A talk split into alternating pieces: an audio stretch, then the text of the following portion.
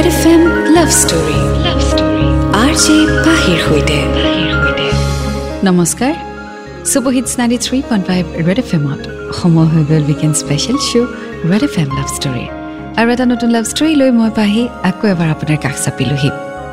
আজিও এখন চিঠি হাতত লৈছোঁ আৰু এই চিঠিখন খুব বেছি স্পেচিয়েল আৰু ইণ্টাৰেষ্টিং এইকাৰণেই কাৰণ চিঠিখনৰ যিটো প্ৰেম কাহিনী শ্বেয়াৰ কৰিছে সেয়া বহুত বেছি পুৰণি। তেওঁৰ এতিয়া বিয়াও হ'ল। দুটা সন্তানো আছে। লগতে তেওঁ আৰ্মিত পষ্টিং। গতিকে সেইবাবে আজি চিঠিখন অতিকৈ বেছি স্পেচিয়েল চিঠিখন পঠিয়াইছে অৰূপ ওৰাঙে আৰু তেওঁ নিজৰ ষ্টৰীৰ নাম দিছে মোৰ ভালপোৱা মাথো তোমাৰ বাবে। গতিকে আপুনি সাজু হৈ যাওক আজি প্ৰেমৰ জাৰ্ণিৰ বাবে। আৰম্ভ কৰিছোঁ আজিৰ চিঠি। মৰমৰ পাহিবা। চিঠিৰ আৰম্ভণিতে আপোনাক আৰু ৰেড এফ এমৰ সমূহ কৰ্মকৰ্তালৈ আন্তৰিক মৰম যাচিলোঁ। পাহিবা আপোনাৰ অনুষ্ঠান লাভ ষ্টৰী শুনি শুনি নিজকে বান্ধি ৰাখিব নোৱাৰিলোঁ। অনুষ্ঠানটিৰ প্ৰতিটো ষ্টৰী সঁচাই ভাল লগা। তাতোকৈ ভাল লগা আপোনালোকৰ প্ৰতিটো ষ্টৰীত নাটকীয় ৰূপ দিয়া আৰু আপোনাৰ সুৱদি সুৰীয়া মাত। পাহিবা মই নিয়মীয়া শ্ৰোতা নহ'লেও প্ৰায়ে ইউটিউবৰ দ্বাৰা শুনো। হাই পাহিবা মই অৰূপ ওৰাং ঘৰ বিশ্বনাথ চাৰিআলিত। বৰ্তমান মই ইণ্ডিয়ান আৰ্মিত জব কৰোঁ। কৰ্মসূত্ৰে এতিয়া শ্ৰীনগৰত আছোঁ। পাহিবা বহুদিন লিখা মেলা কৰা নাই। সেয়েহে ক'ৰবাত বানান আৰু বাক্যৰ গাঁথনি ভুল হ'ব পাৰে। আশা কৰোঁ আপুনি সেইকণ শুধৰাই পঢ়িব। পাহিবা মোৰ লাভ ষ্টৰীলৈ বহু বছৰ পিছুৱাই যাব লাগিব। চন দুহেজাৰ তিনি অক্টোবৰ মাহ। সেই সময়ত নতুনকৈ কলেজত এডমিশ্যন লৈছিলোঁ। আমাৰ কলেজখনৰ নাম ত্যাগবীৰ হেম বৰুৱা মহাবিদ্যালয় টি এইচ বি কলেজ কলেজখন প্ৰাকৃতিক সৌন্দৰ্যৰে ভৰা।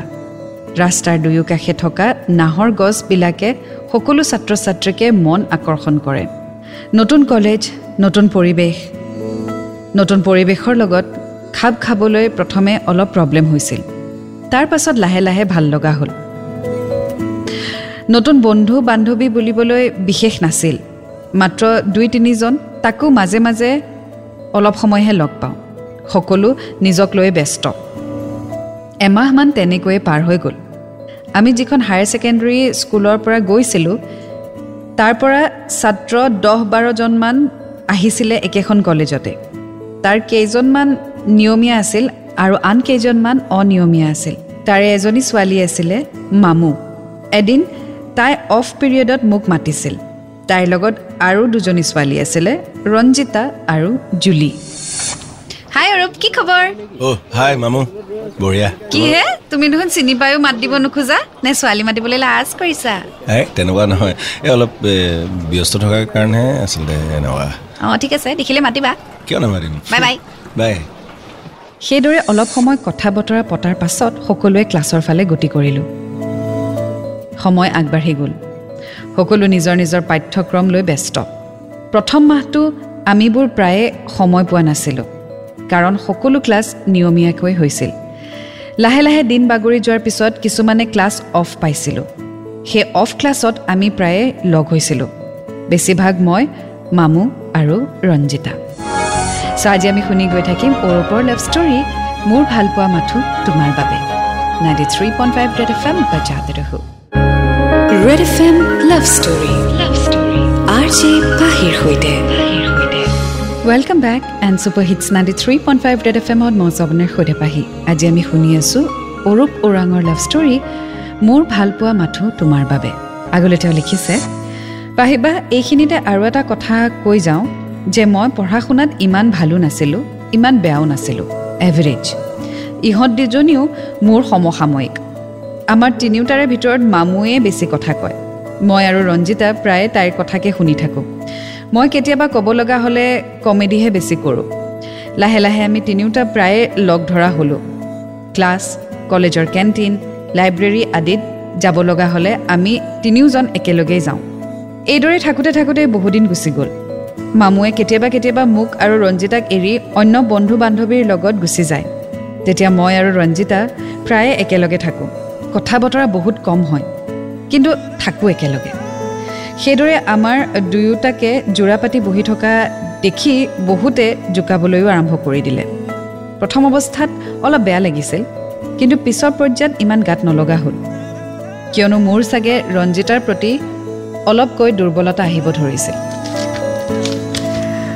অৱশ্যে লগৰবোৰেও যে তাইক নোজোকোৱা নহয় তাইকো জোকাইছিল সেইদৰে থাকোঁতে থাকোঁতে অক্টোবৰৰ মাহ পালে। দুৰ্গা পূজাৰ বন্ধৰ সময়ো আহি পালে। পূজাৰ বন্ধ বুলি আমি একেলগে বাৰ দিনমান ছুটী পাইছিলোঁ। ছুটী দিয়াৰ আগদিনা আমি সকলোৱে একলগ হৈ পূজাৰ আলোচনা কৰিবলৈ ধৰিলোঁ। কোনে কি কাপোৰ কিনিলে কোনে কি পিন্ধিব কোনে কি খাব কোনে ক'ত যাব ইত্যাদি। মই একদম চাইলেণ্ট বহি আছিলোঁ। মোক এইদৰে বহি থকা দেখি ৰঞ্জিতাই ওচৰ চাপি আহিলে আৰু মোক ক'লে বা ইমান চাইলেণ্ট যে চবেই ইমান প্লেনিং কৰিছোঁ তোমাৰ কি প্লেনিং নাই নেকি পূজা বুলি? মোৰ একো নাই ঘৰলৈ যাম চাম আৰু যি হয়। তথাপিও কিবা ভাবা নাই ক'ত যাবা কি কৰিবা কি পিন্ধিবা? এই আমাৰ ল'ৰা মানুহ ইমান এইবোৰ প্লেনিং নাথাকে লগালগ প্লেনিং ওলাই যায় লগালগ ফুনা ফুনি হৈ যাওঁ গুচি যাওঁ আৰু। তেতিয়াহ'লে এটা কাম কৰিবা এইবাৰ পূজা তুমি মোৰ ঘৰলৈকে আহিবা আমি একেলগে পূজা চাব যাম। ঠিক আছে বাৰু ঠিক আছে ট্ৰাই কৰিম। ট্ৰাই নহয় আহিব লাগিব। যাম বাৰু। যদি কিবা কাৰণত কেনেবাকৈ যাব নোৱাৰোঁ বেয়া নাপাবা দেই আগতে কৈ থৈছোঁ ঠিক আছে ট্ৰাই কৰিবা। একদম চিয়'ৰ কৰিম। অ'কে এই তাহাঁতৰ ওচৰ আহোঁ এপাক? ব'লা ব'লা। ব'লা। পাহিবা সেই সময়ত আমাৰ দুয়োটাৰ কথা শুনি লগৰ কেইটাই তাইক জোকাবলৈ ধৰিলে যে অকল মোক মাতিছে আৰু ইহঁতক মতা নাই বুলি। লগৰকেইটাৰ কথা শুনি তাই লাজত ৰঙা চিগা পৰি গৈছিল। শেষত সকলো ঘৰা ঘৰি যাবলৈ সাজু হ'লোঁ। মই ৰঞ্জিতাক মামুক আৰু জুলিক বাছ ষ্টেণ্ডলৈ থৈ আহিলোঁ। ৰঞ্জিতাক এৰি আহিলোঁ হয় কিন্তু তাইৰ মুখখন মোৰ চকুৰ আগত যেন ভাহি থাকিল। তাইৰ সেই চকুজুৰি আৰু অনবৰতে মিচিকিয়াই থকা তাইৰ মুখখনি বাৰুকৈ মোক আমনি কৰিছিল। সেয়াই চাগে মোৰ প্ৰথম প্ৰেম আৰু ভালপোৱা।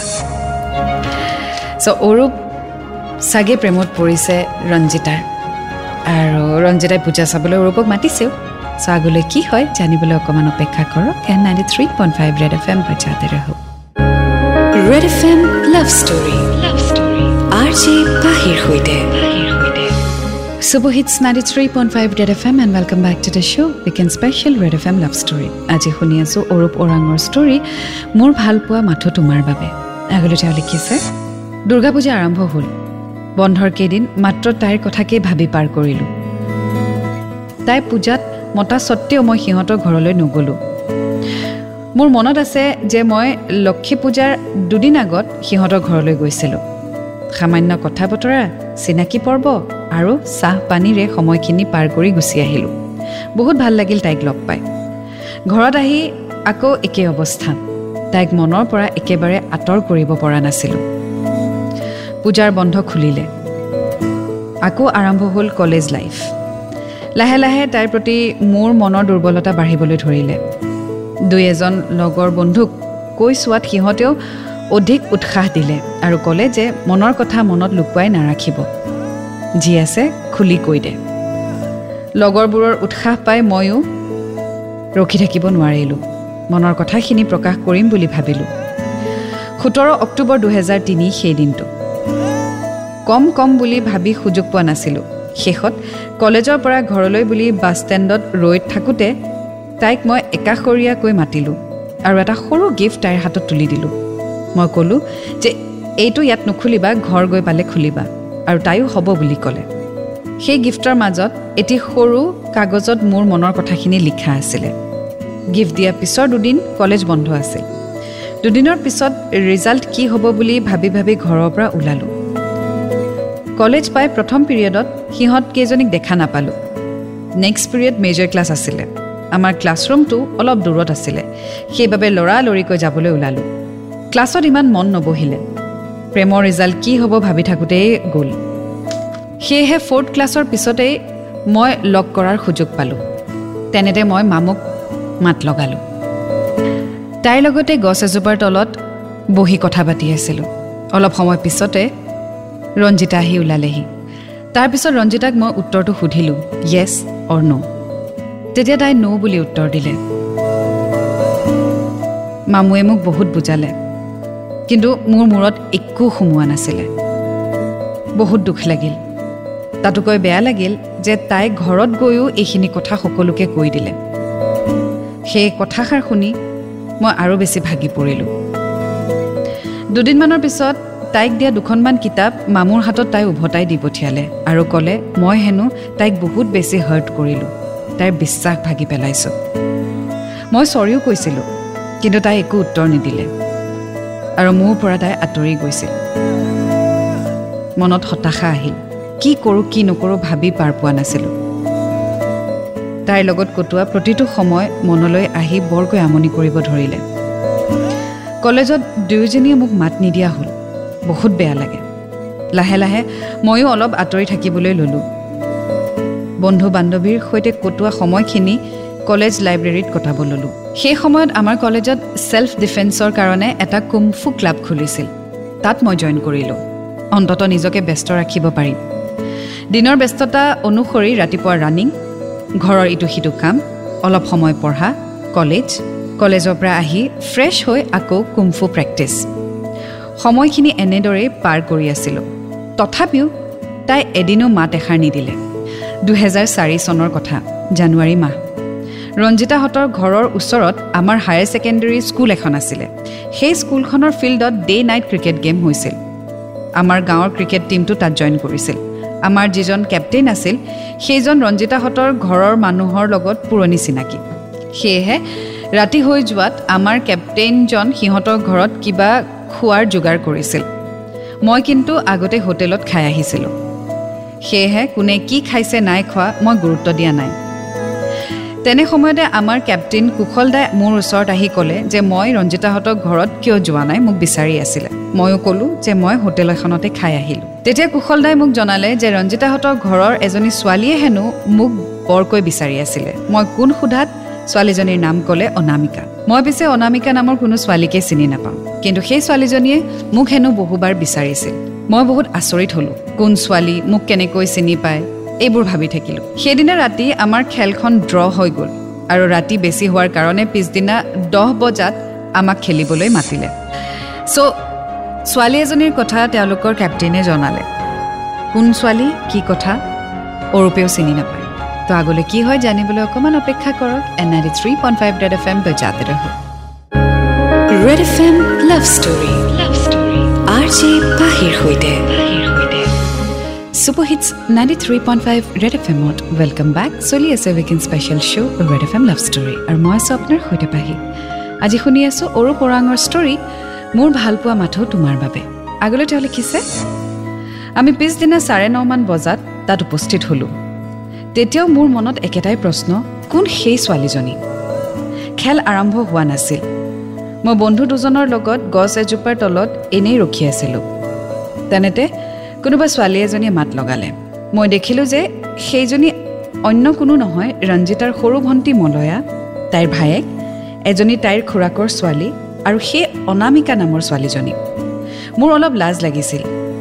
কিন্তু লগৰ দুজনৰ অলপ উৎপাতটো বেছিয়ে বাঢ়িলে। পিছফালৰ পৰা জোকাব ধৰিলে গৈ মাত দিবলৈ ক'লে চ' ময়ো আগুৱাই গৈ চিনাকি হ'লোঁ। ওচৰ পোৱাত ৰঞ্জিতাৰ ভণ্টী মলয়াই মোক এটা কথাই সুধিলে যে তেওঁলোকৰ ঘৰত মই চাহ খাবলৈ কিয় যোৱা নাছিলোঁ। ময়ো এনেই নগ'লোঁ বুলিয়ে ক'লোঁ ওচৰৰ দোকান এখনতে খোৱা বুলি ক'লোঁ। তাৰপিছত সিহঁতে মোক অনামিকাৰ লগত চিনাকি কৰাই দিলে। হাই হেল্লোৰ পিছত আমি দহ মিনিটমান কথা পাতিলোঁ। এইবাৰ মলয়াই মাত দিলে আৰু মোক জোৰ কৰিলে তেওঁলোকৰ ঘৰলৈ যাবলৈ। লগৰ দুজনেও কাণৰ ওচৰত আহি ফুচফুচাই ক'লে ব'ল ব'ল এনেকুৱা সুযোগ আৰু নাপাবি। বহু ঠেলা হেঁচাৰ মূৰত গ'লোঁ। ৰঞ্জিতাহঁতৰ ঘৰ পাই মলয়াই মোক বহিব দিলে আৰু তাই গৈ বায়েকক খবৰ দিলে যে মই আহিছোঁ। ৰঞ্জিতা ওলাই আহি মোক ক'লে good morning Arup. Good morning. কি খবৰ? আছো ঠিকে আছে। ঠিকে আছে। তুমি ভালে আছা? আছোঁ আছোঁ। পঢ়া শুনা চলি আছে বাছ ধুনীয়াকৈ অঁ অঁ ঠিকে। দিয়া তুমি বহা অলপ কথা পতা অনামিকাৰ লগত মই চাহ বনাই আনো ৰ'বা। ঠিক আছে। অলপ সময় পিছত তাই চাহ আনি দিলে। আমি সোনকালে খাই বৈ খেললৈ বুলি ওলাই আহিলোঁ। তাৰপিছত একেবাৰে এক্সামতহে লগ পাইছিলোঁ বাট কথা বতৰা একো হোৱা নাছিল। এক্সামৰ ৰিজাল্ট দিলে ভাল হ'ল। মই পুনৰ এডমিশ্যন ল'লোঁ কিন্তু তাই নল'লে। পিছত মামুৰ মুখত গম পালোঁ যে তাই এটা জবেই পালে। তাই জব পোৱা কথাটো গম পাই মই খুব ভাল পাইছিলোঁ। মনতে ভাবিলোঁ যে এতিয়াতো আৰুৱেই চাগে পাত্তা নিদিব। তাৰপিছত আৰু সেই দুহেজাৰ চাৰি চনত কেতিয়াও মই তাইক দেখা নাপালোঁ। মই মোৰ নিজৰ পঢ়া আৰু খেলত ইমানেই গুৰুত্ব সহকাৰে ল'লোঁ যে সময় কেনেকৈ পাৰ হ'ল গমেই নাপালোঁ। চ' আগলৈ কি হয়? জানিবলৈ শুনি থাকক আজিৰ ষ্টৰী মোৰ ভালপোৱা মাথো তোমাৰ বাবে। Ninety three point five Red F M বজাতে ৰহক। Red F M love story R J পাহিৰ সৈতে welcome back and super hits ninety three point five Red F এমত মই আপোনাৰ সৈতে পাহি। শ্ব' চলি আছে weekend special Red F M love story আজি শুনি আছোঁ অৰূপ ওৰাঙৰ ষ্টৰী মোৰ ভালপোৱা মাথো তোমাৰ বাবে। আগলৈ তেওঁ লিখিছে দুহেজাৰ পাঁচ চনৰ কথা। মাত্ৰ এদিনেই তাইক দেখা পাইছিলোঁ। এখন ৰাজহুৱা মিটিঙত লগৰ কেইজনীমান ছোৱালীৰ লগত তাই ৰৈ আছিলে। চকুৱে চকুৱে পৰিছিল তথাপিও তাই মাত নিদিলে ময়ো মাত নিদিলোঁ। পাহিবা পঢ়াৰ মাজতো সেই সময়ত বহুকেইটা ইণ্টাৰভিউ দিলোঁ কিন্তু ক'তো ছাকচেছ হ'ব পৰা নাছিলোঁ। বছৰৰ শেষত বিশ্বনাথ চাৰিআলিত এখন ৰাজ্যিক ভিত্তিত কুমফু খেল হৈছিল তাত মই ছেকেণ্ড পজিশ্যন পাইছিলোঁ। খেলত পাৰদৰ্শিতাৰ কথা লৈ তাইলৈ বুলি এখন সৰু চিঠি লিখি পঠিয়াইছিলোঁ তাইৰ বান্ধৱীৰ হাতত। দুহেজাৰ ছয় চনৰ কথা সকলো ঠিকে ঠাকে চলি আছিলে। পঢ়া শুনা খেল ধেমালি সকলো চলি আছিলে। এপ্ৰিল মাহ বহাগ বিহুৰ বতৰত বন্ধু এজনে এটা অ'পেনিঙৰ কথা ক'লে। এবাৰ ট্ৰাই কৰি চাবলৈ ক'লে। ময়ো ৰেডি হ'লোঁ। ইণ্টাৰভিউ দিন আহিলে আৰু মই পিঠিত বেগ লৈ ইণ্টাৰভিউ স্থানলৈ বুলি ওলালোঁ। বহু সংকটৰ মূৰত গৈ পালোঁ। আৰ্মীৰ ভৰ্তি আছিলে। সেইবাবে বহুত ল'ৰাৰ ভিৰ লাগি আছিল। পিছদিনা ইণ্টাৰভিউ দিলোঁ। সাতদিন ধৰি সকলো টেষ্ট চলিল। এমাহৰ পিছত ৰিজাল্ট দিলে আৰু মই চাকৰিটো পালোঁ। চাকৰি পোৱাৰ খবৰটো মই মামুক দিছিলোঁ। হাতত বহু কম সময় আছিল। মই ট্ৰেইনিং কৰিবলৈ হায়দৰাবাদ যাব লগা হ'ল। দুই এজন বন্ধু বান্ধৱীক লগ কৰিলোঁ বাট ৰঞ্জিতাকহে লগ নাপালোঁ। পাঁচ জুন দুহেজাৰ ছয়ত হায়দৰাবাদত আমাৰ ট্ৰেইনিং আৰম্ভ হ'ল। ট্ৰেইনিং পিৰিয়ডত কাৰো খবৰ ল'বলৈ সময় নাছিলে। দুহেজাৰ সাত চনত আমাৰ ট্ৰেইনিং শেষ হৈছিল। জানুৱাৰী মাহত আমাক আঠাইছ দিনৰ ছুটী দিছিল। সেই ছুটীত মাত্ৰ দুদিন লগ পাইছিলোঁ ৰঞ্জিতাক। কিন্তু বিশেষ একো কথা হোৱা নাছিলে। দুহেজাৰ সাত চনৰ অক্টোবৰ মাহত মোক হায়দৰাবাদৰ পৰা ইউ পি আগ্ৰালৈ পষ্টিং দিলে। আগ্ৰাত এদিন থাকি পিছদিনা মোক ঘৰলৈ বুলি ছুটী পঠাই দিলে। ঘৰ পাই তাইলৈ আকৌ মনত পৰিল আৰু এদিন সন্ধিয়া পৰত সিহঁতৰ ঘৰ গৈ ওলালোঁ। মাত দিয়াত ভনীয়েক মলয়া ওলাই আহিল আৰু মোক বহিবলৈ দিলে। অলপ পিছত মলয়াই বায়েকক মাতিবলৈ ভিতৰলৈ সোমাই গ'ল। মোৰ লগত আমাৰ খুৰাৰ ল'ৰা এজন গৈছিল। সি মোক বহিব দি তাৰ কিবা কাম আছে বুলি ওলাই গ'ল। ৰঞ্জিতা ভিতৰৰ পৰা আহিলে আৰু মোক মাত লগালে। কি খবৰ? তাকে সুধিব লাগিছিল ভাল? ল'ৰা একদম ফিট হৈ গ'লা কিন্তু দেই এনেইতো ফিটেই বাৰু আৰু ফিট হৈ গৈছা। অলপ ফিটে থাকিব লাগিব যে। পষ্টিং ক'ত তোমাৰ? পষ্টিং আগ্ৰা। অঁ আগ্ৰা। এইটো ছুটী কিমান দিন? ছুটি এমাহ। অঁ এমাহৰ। তোমাক এবাৰ লগ পাই যাম বুলি আহিলোঁ তোমালোকক। কেনেকুৱা লাগিছে তাত? মানে এনভাইৰনমেণ্ট ঠিকেই এতিয়া এডজাষ্ট হৈ গৈছে। খানা চানা ঠিক ঠাক চব টাইমতে হয়। আহা। চব ভালেই হয়। ট্ৰেইনিং হৈ থাকে চাগে ন মাজে মাজে? হৈ অলপ হেৰি আৰু চেলেঞ্জিং হয় বস্তু। চেলেঞ্জিং ন সেইকাৰণে ফিট হৈ গৈছে। ৰ'বা আহিছা যেতিয়া ভালকে কিবা এটা খুৱাই দিওঁ তোমাক ন চাহটো চাগে তাত খাবলৈ নোপোৱাই অসমৰ চাহ খুৱাওঁ। বহা তুমি মই চাহ বনাই আনিছোঁ ঠিক আছে ঠিক আছে আহা এই বুলি কৈ তাই ভিতৰলৈ সোমাই গ'ল।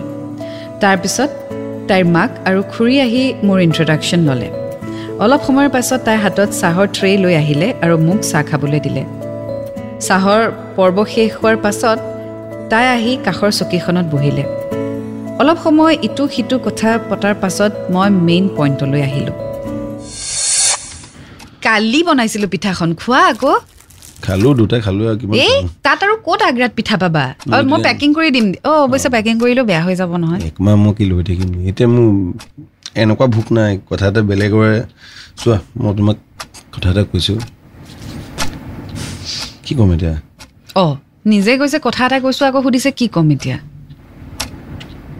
মই চিধা কৈছোঁ শুনা। উম। য়েছ নে ন কি আছিলে ন বুজা নাই। চাৰি বছৰ হ'ল বুজিও নুবুজা ভাও নধৰিবা। আৰু তুমিও জানা মই তোমাৰ কাৰণে ৰৈ আছোঁ। ঠিক আছে মই এটা কথা কৈছোঁ আগত তুমি মোক না কৈছিলা তেতিয়া মানিলোঁ ময়ো ষ্টুডেণ্ট আছিলোঁ তেতিয়া মোৰ চিন্তাও ইমান ভাল নাছিলে বা আমি ইমান মেচিয়ৰ হোৱা হোৱা নাছিলোঁ। এতিয়া তুমিও চাকৰি কৰা মোৰো চাকৰি কৰোঁ আৰু মই মানিলোহেঁতেন যদি মই ভুল বুলি যদি মই বেলেগক পচন্দ কৰিলোহেঁতেন বা বেলেগলৈ মনটো গ'লহেঁতেন। আজি চাৰি বছৰ ধৰি চাৰি বছৰ আগত তোমালৈ যিটো ফিলিংছ এতিয়াও মই এইখিনিকে কঢ়িয়াই আনি আছোঁ। বৰঞ্চ বাঢ়িহে গৈছে অকণো কমা নাই। তো তুমিও জানা এইখিনি কথা। তো কিয়নো তুমি এনেকৈ ভাৱ ধৰিছা কিবা এটাতো কোৱা মোক। মই কিমান দিন ৰম কোৱা? চোৱা অৰূপ মই ঘৰৰ ডাঙৰ ছোৱালী। মোৰ দায়িত্ব বহুত বেছি। আৰু মই যি কৰোঁ সেয়া মই মা দেউতাৰ সন্মতি লৈহে কৰোঁ। মই মা দেউতাৰ এগেইনষ্টত একো কৰিব নোৱাৰোঁ। চ' এই ক্ষেত্ৰতো মোৰ সেইটোৱে প্ৰব্লেম মই যি কৰিম মই মা দেউতাৰ সন্মতি লৈহে কৰিম। মই কেতিয়া ক'লো মা দেউতাৰ সন্মতি নোহোৱাকৈ কৰিব লাগে বুলি। আৰু মোৰ মতে আমাৰ ইমানো প্ৰব্লেম হ'ব নালাগে যে যে ঘৰৰ মানুহে আমাক এয়া সন্মতি নিদিব। ন মা দেউতাৰ কথাটো পাছত আহিব। প্ৰথমতে তোমাৰ ফিলিংছটো কোৱা মোৰ প্ৰতি। মোৰ মা দেউতা যদি য়েছ কয় মোৰ আৰে তোমাক অঁ ঠিক আছে। তাৰমানে তোমাৰো মন আছে। যদি মোৰ মা দেউতাই য়েছ কয় তেতিয়াহ'লে মাতা মাক মাতা। এতিয়া? এতিয়া নহ'লে কেতিয়া? মইতো গুচি যাম। যি আহিছোঁ তেতিয়া মই ক্লিয়াৰ কৰি চাম। মোৰ চব ফেমিলি মেম্বাৰ্ছ আছে কিন্তু খুৰাহঁতো আছে। মই কিবা বেয়া কথা ক'বলৈ মতে নাই ন? জাষ্ট মনৰ ভাৱটো প্ৰকাশ কৰিম। তেওঁলোকে যি সন্মতি নিদিয়ে মই গুচি যাম ইয়াৰ পৰা। তাৰপিছত আৰু দুনাই তোমাক মই ডিষ্টাৰ্ব নকৰোঁ কেতিয়াও। একেবাৰে ক'ৰবাত ডাঙৰ দূৰলৈ পষ্টিং লৈ তাতে গুচি যাম আৰু নাহোঁ আৰু। ম- মই পঠিয়াওঁ মাহঁতক। পঠিওৱা মানে মাক মাতি লোৱা নাই তুমিও আহা. আৰু এতিয়া মোৰ ইমান ভয় চয় নাই জানাই আৰু। আৰ্মিটো ঠিক আছে ৰ'বা। তাই ভিতৰলৈ গ'ল আৰু ঘৰৰ দুই এজনৰ লগত কথা পাতিলে। প্ৰথমতে তাইৰ সৰু খুৰাকজন আহিলে। মুখত অলপ বিৰক্তিৰ চিন দেখা পাইছিলোঁ। খুৰাকজন আহি মোৰ সন্মুখৰ চকীত বহিলে আৰু মোলৈ চাই প্ৰশ্ন কৰিলে। বহু প্ৰশ্নৰ মাজত তেওঁ কি জব কৰোঁ সোধাত মই যেতিয়া ইণ্ডিয়ান আৰ্মিত জব কৰোঁ বুলি ক'লোঁ তেওঁৰ খংটো অলপমান কমিলে। মোক মৰমেৰে ক'বলৈ ধৰিলে চোৱা অৰূপ এই হ'ল আমাৰ ঘৰৰ ডাঙৰ ছোৱালী। আমিও বিচাৰোঁ তোমাৰ নিচিনা ল'ৰা এজনৰ লগত বিয়া দিবলৈ কিন্তু নোৱাৰিম। যিহেতু তোমালোকৰ কাষ্ট ওৰাং আৰু আমাৰ কাষ্ট সন্দিকৈ। সেয়েহে তুমি বেয়া নাপাবা। পৰা হ'লে নিশ্চয় দিলোঁ হয়। তেওঁ তেনেকৈ কোৱাত মই বহুত দুখ পালোঁ। কি ক'ম একো বুজি পোৱা নাই। একো বিশেষ নক'লোঁ ক'বও নোৱাৰিলোঁ। তাত বহি থকা অৱস্থাও মোৰ নাছিলে। শেষত সকলোকে বিদায় দি ওলাই আহিলোঁ। চ' অৰূপে খুব মিচিয়ৰ্ডলি চিটুৱেশ্যনটো হেণ্ডেল কৰিলে আৰু ডেফিনেটলি তেওঁ যিখিনি কৰিলে এজন ৱেল ছেটেলড মানুহে সেইটোৱে কৰিব। কাৰণ তেওঁৰ একো প্ৰব্লেম নাই তেওঁ ৱেল ছেটেলড তেওঁ মেচিয়ৰ তেওঁ জানে যে তেওঁ ভাল পায় যাক। গতিকে তেওঁৰ ঘৰৰ পৰিয়ালৰ লগত কথা পতাটো একো আপত্তি নাছিলে। কিন্তু তেওঁলোকৰ ৰিলেশ্যনশ্বিপত বাধা দিলে তেওঁলোকৰ কাষ্টে চ' ইয়াতে শেষ হ'বনে? অৰূপৰে ভাল পোৱা? জানিবলৈ অকণমান অপেক্ষা কৰক N ninety three point five dot F M বজাতে ৰহ। Red F M love story. Love story R J পাহিৰ সৈতে। Super hits ninety three point five Red F এমত মই আছোঁ আপোনাৰ সৈতে পাহি আৰু আপুনি শুনি আছে weekend special show' Red F M love story. আজি শুনি আছোঁ অৰূপৰ ষ্টৰী মোৰ ভাল পোৱা মাথো তোমাৰ বাবে। আগলৈ তেওঁ লিখিছে দুহেজাৰ আঠ চনৰ কথা মই আগ্ৰাৰ পৰা পাঞ্জাৱলৈ পষ্টিং পালোঁ। সেই বছৰত মে' জুন দুমাহ ছুটী লৈ আহিলোঁ। ঘৰত কেইদিনমান থকাৰ পাছত এদিন ফুৰিবলৈ যাওঁতে ৰঞ্জিতাহঁতৰ ঘৰৰ ওচৰৰ এজন ল'ৰাক লগ পালোঁ। দুয়োজনে কথা পাতিলোঁ খবৰ ল'লোঁ। শেষত সি মোক সুধিলে এতিয়া ৰঞ্জিতাৰ লগত মোৰ ৰিলেশ্যন আছেনে নাই? মই নাই বুলিয়ে ক'লোঁ। কিয় বুলি সোধাত মই ক'লোঁ যে বাহিৰত থকাৰ বাবে এতিয়া কণ্টেক্ট হোৱা নাই। সি ক'লে মোৰ হাতত ফোন নম্বৰ আছে দৰকাৰ হ'লে ল'ব পাৰা। তাইৰ নম্বৰ পাই এদিন এছ এম এছ কৰিলোঁ। হাই ৰঞ্জিতা কি খবৰ? ভালে আছানে? পাৰা যদি মোলৈ ফোন এটা কৰিবা এইটো মোৰ নম্বৰ। এছ এম এছ পোৱাৰ পাছতো তাই মোলৈ ফোন নকৰিলে। এমাহমান সময় পাৰ হৈ গ'ল। তাইৰ কোনো খা খবৰ নাই। এদিন তাইৰ নম্বৰৰ পৰা ফোন আহিলে। হেল্ল' হেল্ল' অঁ হেল্ল' কোনে কৈছে? হেৰি এ, মই জুলিয়ে কৈছোঁ। এ, তোমাৰ তাত মামুৰ নাম্বাৰ আছে নেকি? জুলি মানে মই চিনি পোৱা নাই তোমাক। এই মই জুলি জুলি। এই ৰঞ্জিতা ৰঞ্জিতাৰ মোমায়েকৰ ছোৱালী। আচ্ছা। তোমাৰ তাত মামুৰ নাম্বাৰটো আছে নেকি? মামুৰ নাম্বাৰ আছে। অঁ দিয়াচোন। লোৱা। নাইন নাইন অঁ? Five seven eight one. পাহিবা চাৰিদিনমানৰ পিছত আকৌ ৰঞ্জিতাৰ নম্বৰৰ পৰা কল আহিলে।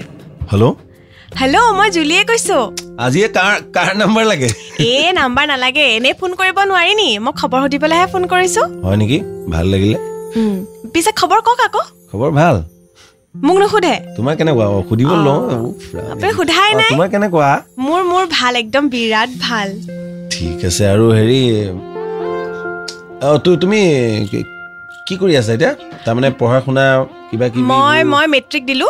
আৰু এতিয়া এমাহৰ কম্পিউটাৰৰ কৰ্চ কৰি আছো। ৱাও টেলেণ্টেড ছোৱালী একদম কম্পিউটাৰ কৰি আছে। বা তাৰমানে লো- ছোৱালীয়ে নোৱাৰে তাৰমানে ল'ৰাইহে কম্পিউটাৰ কৰ্চ কৰে আৰু ন বা। কেতিয়া ক'লো মই তোমাক টেলেণ্টেড বুলিয়ে কৈছো। ভাল লাগিছে হ'লেও কিবা এটা বেলেগ। টাইপৰ লাগিলে কওঁতে শুনোতে মানে অকমান। হ'ব হ'ব। তোমালোকৰ ৰ'বচোন ৰ'বচোন। ভাবে। এ, হেৰি এটা কথা সুধোনে? কিবা? তুমি ৰঞ্জিতাক কিয় ইমান ভাল পোৱা? সেই- সেইটো মই এতিয়া তোমাক কেনেকে বুজাম মই কিয় ইমান ভাল পাওঁ? নহয় মানে মোৰ জানিব মন গৈছে মানে। পাঁচ ছয় বছৰৰ পৰা তুমি ভাল পাই আছা আৰু তাইতো য়েছো কোৱা নাই। সেইটো তাইৰ সেইটো প্ৰব্লেমটো মোৰ নহয় নহয় তাইৰহে মই ভাল পাওঁ সেইটো মোৰ কথা। আৰু পায়ে থাকিম। বা তোমাক কিন্তু লগ পাব লাগিব দেই। একদম এই হিন্দী চিনেমাৰ যে হিৰ'বোৰ থাকে একদম তেনেকুৱা লাগিছে। হয় নেকি? অ লগ পাব লাগিব তেতিয়াহ'লে। দিয়া। মোৰো ভাল লাগিছে কথা পাতি তোমাৰ লগত। কেতিয়া লগ পাম? কোৱা তুমি কোৱা কেতিয়া লগ পাবা? এতিয়া লগ পাম আকৌ। আজি এই মাত্ৰ। ইমান জল্দি? অ এই হেৰি ৰঞ্জিতা আৰু মই টাউনলৈ গৈ আছো। আহা তালে। ঠিক আছে বঢ়িয়া। ফোন কৰিবা। ওলাই আহোঁতে। যথাসময়ত আমি লগ হ'লোঁ। জুলিৰ লগত ৰঞ্জিতাও আহিছিলে। মই আৰু জুলি দহ পোন্ধৰ মিনিটমান কথা পাতিলোঁ। আমি দুয়োটা কথা পতাৰ সময়ত ৰঞ্জিতা আমাৰ লগত নাছিলে অলপ দূৰত ৰৈ আছিলে।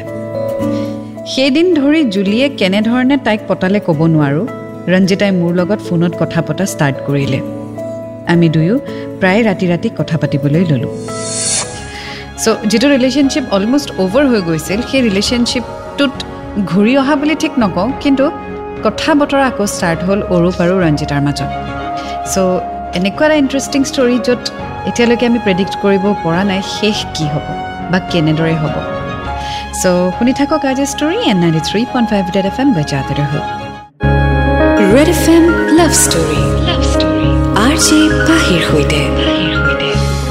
Super Hits 93.5 Red FM ত মই স্বপ্নাৰ সৈতে পাহি and welcome back to the show' weekend special Red F M love story আজি শুনি আছোঁ অৰূপ ওৰাঙৰ ষ্টৰী মোৰ ভাল পোৱা মাথো তোমাৰ বাবে। আগলৈ তেওঁ লিখিছে আগষ্ট মাহৰ শেষৰ ফালৰ কথা। এদিন এনেই তাইলৈ মিছ কল দিলোঁ।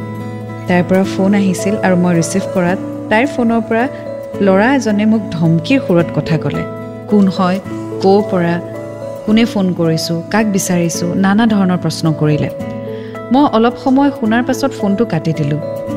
মই ভাবি ল'লোঁ তাইৰ খুৰাক হ'ব পাৰে। কিন্তু মই বুজি পোৱা নাই যে এনেকুৱা কিয় হ'ল। দুদিনমান মই ফোন কৰা নাই আৰু তাইও কৰা নাই।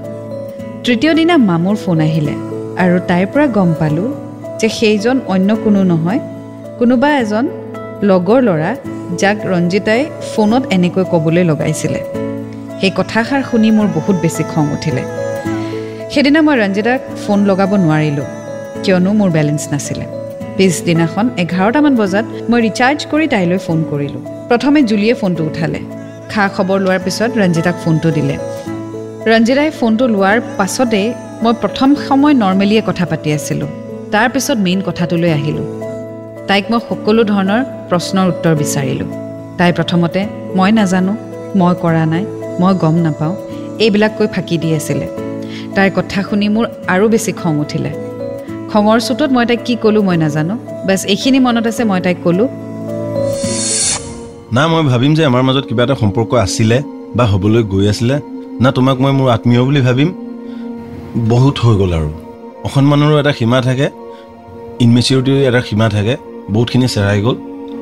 মোৰ ভুল ভ্ৰান্তি হ'ব পাৰে হাত জোৰ কৰি মাফ সুধিছোঁ। আৰু নালাগে তোমাৰ পৰা মোৰ একো সঁহাৰি। সুখত থাকা তুমি যেনেকৈ ভাল দেখা থাকা মই তোমাৰ মাজত একেবাৰে নাই আৰু নসমাম এই বুলি কৈ মই ফোনটো কাটি দিলোঁ। আমাৰ মাজত বহু সময় ধৰি কাজিয়া লাগিছিল যদিও মই আৰু বিশেষ একো নক'লোঁ ফোনটো কাটি থৈ দিলোঁ। পাহিবা সেইদিনা মোৰ ইমানেই বেয়া লাগিছিল যে সেয়া মই কোনো ভাষাৰে প্ৰকাশ কৰিব নোৱাৰিম। মনত বহুত আঘাত পাইছিলোঁ। এই যন্ত্ৰণাবোৰ ঢাকি ৰাখিব পৰা নাছিলোঁ। মনৰ কথাবিলাক কাকো প্ৰকাশো কৰিব পৰা নাছিলোঁ। এসপ্তাহমান পাৰ হৈ গ'ল। বহুত আঘাত পালোঁ অন্তৰত। পিছত ভাবিলোঁ এইদৰে থাকি কি লাভ? মই কিয় নিজকে কষ্ট দিব লাগে? নিজকে অলপ সংযত কৰিবলৈ ল'লোঁ। মই নিজকে মেণ্টেলি আৰু ফিজিকেলি ফিট ৰাখিবলৈ জিম জইন কৰিলোঁ। যেতিয়াই তাইৰ ওপৰত খং উঠে অফ টাইম পালেই মই জিমত গৈ তাইৰ ওপৰত উঠা খংবোৰ পাহৰিবলৈ চেষ্টা কৰোঁ। বহু কষ্টৰ মাজত তাইক মনৰ পৰা অলপ আঁতৰ কৰিলোঁ। অক্টোবৰ মাহ পালেহি। আৰু ময়ো ঘৰলৈ বুলি এমাহৰ ছুটী লৈ আহিলোঁ। দুৰ্গা পূজাৰ দিনাই মই ঘৰ আহি পালোহি। ঘৰত পাই নিজৰ যিবোৰ জীৱনৰ কাম সেইবোৰ কৰিবলৈ ল'লোঁ। মানে ভাত ৰন্ধা ঘৰ সাৰা মোচা নিজৰ কেয়াৰ লোৱা ট্ৰেইনিং কৰা এইবোৰ। বহুত কমকহে লগ ধৰিছিলোঁ ফ্ৰেণ্ডছ বুলিবলৈ। পূজা চাবলৈ যাওঁতে তাইক মই দেখিছিলোঁ পূজাস্থলীত। কিন্তু তাইও মোক মাত দিয়া নাই ময়ো তাইক মাত নিদিলোঁ। মামু আৰু জুলিৰ সৈতে ভালকৈ কথা পাতিলোঁ। পিছদিনা ৰাতিপুৱা দহমান বজাত মই এজন বন্ধুৰ ঘৰলৈ গৈ আছিলোঁ। ৰাস্তাত এটা ফোন আহিলে আৰু মই ৰিচিভ কৰিলোঁ। ঐ টিকলি। হেৰি কি বুলি কয় পূজা কালি কেতিয়ালৈকে চালে? পূজা বেছি টাইম নাই এঘণ্টামান থাকিলেও গুচি আহিলোঁ। হেৰি আজি যাব নেকি? আজি ক'লৈ? তেজপুৰলৈ যাওঁ পূজা চাবলৈ। কোন যাব লগত? কোন আৰু? মামু মামুৰ বয়ফ্ৰেণ্ড মই আৰু ৰঞ্জিতা। মই যাব নাই একদম তোমালোক যোৱা ধুনুকে পূজা চোৱাগে। দেই। এ ব'লা না ৰঞ্জিতাকোতো লগ পাবা ন? তাইৰ লগত কথাও পাতিব পাৰিবা। ৰঞ্জিতা একদম দূৰৰ পৰাই নমস্কাৰ সষ্টাংগ প্ৰণাম। আপোনালোক যাওক ধুনীয়াকৈ চাওক। দেই মোক এইটো কথাত যাতে ইনভল্ভ কেতিয়াও নকৰিবা। তোমাৰ সৈতে ভাল হাই হেল্ল' ৰাস্তাই বুলিলে দেখিলে মাতিবা। ধুনীয়াকৈ থাকিম। এই ৰঞ্জিতাক লৈ মোক কোনো কথা এটা সোমাব নিবিচাৰোঁ দেই। আৰে শুনাচোন। একদম। যোৱা। ৱেল গতি কোনফালে গৈছে একো ধৰিব পৰা নাই। মানে কি হ'ব এই love ষ্টৰিটোৰ let see ninety three point five Red F M বেচাতে ৰহো। Red F M love story love story R J পাহিৰ সৈতে। Super hits ninety three point five Red F এমত মই আপোনাৰ সৈতে পাহি। শুনি আছে আপুনি weekend special show' Red F M love story আজি শুনি আছোঁ অৰূপ ওৰাঙৰ ষ্টৰী মোৰ ভালপোৱা মাথো তোমাৰ বাবে। আগলৈ তেওঁ লিখিছে সন্ধিয়া পৰত ছয়মান বজাত জুলিৰ পৰা আকৌ ফোন আহিলে। অলপ সময় কথা পতাৰ পিছত তাই ক'লে কোনোবা হেনো মোৰ লগত কথা পাতিব। এই বুলি কৈ তাই ফোনটো ৰঞ্জিতাক দি দিলে। কোৱা। বাপৰে বাপ কোৱাটো মানে একদম বেলেগ দিছা যে। কি থাকিলে পাতিবলৈ? তুমি আকৌ মানুহ লগাই দম দিয়াতো ৰাম সেই কথাটো পাহৰাই নাই আজি বছৰ হ'ল আৰু সেইটো। ধেমালি আছিলে। বছৰ বাৰু হ'ল কিন্তু আমাৰ সম্পৰ্কটো কিবা জানো হ'ল একেই থাকিলে। খবৰ ভাল? নাই কি হ'ব তাৰমানে কি হ'বলৈ গৈ আছে? মই বাৰু খবৰ কেনেকুৱা হ'ব বুলি ভাবা? কেঁচা কাট মাৰিছে। আচ্ছা কালি পূজাত কি কি চালা? কি চালো দেৱী সেৱা কৰিলোঁ। আৰু ছোৱালী চাইছা? মোৰ একদম ইণ্টাৰেষ্ট নাই। তোমাক দেখিলোঁ দৰ্শন কৰিলোঁ দূৰৰ পৰাই। আগতকৈ ধুনীয়া হ'লা নকৰিব নোৱাৰি। সেয়াই আৰু। বা সেইকাৰণে আজি তেজপুৰলৈ লগ ধৰোঁতে নগ'লা ন? কিয় যাম বাৰু মই? কোৱাচোন তুমি। কিয়?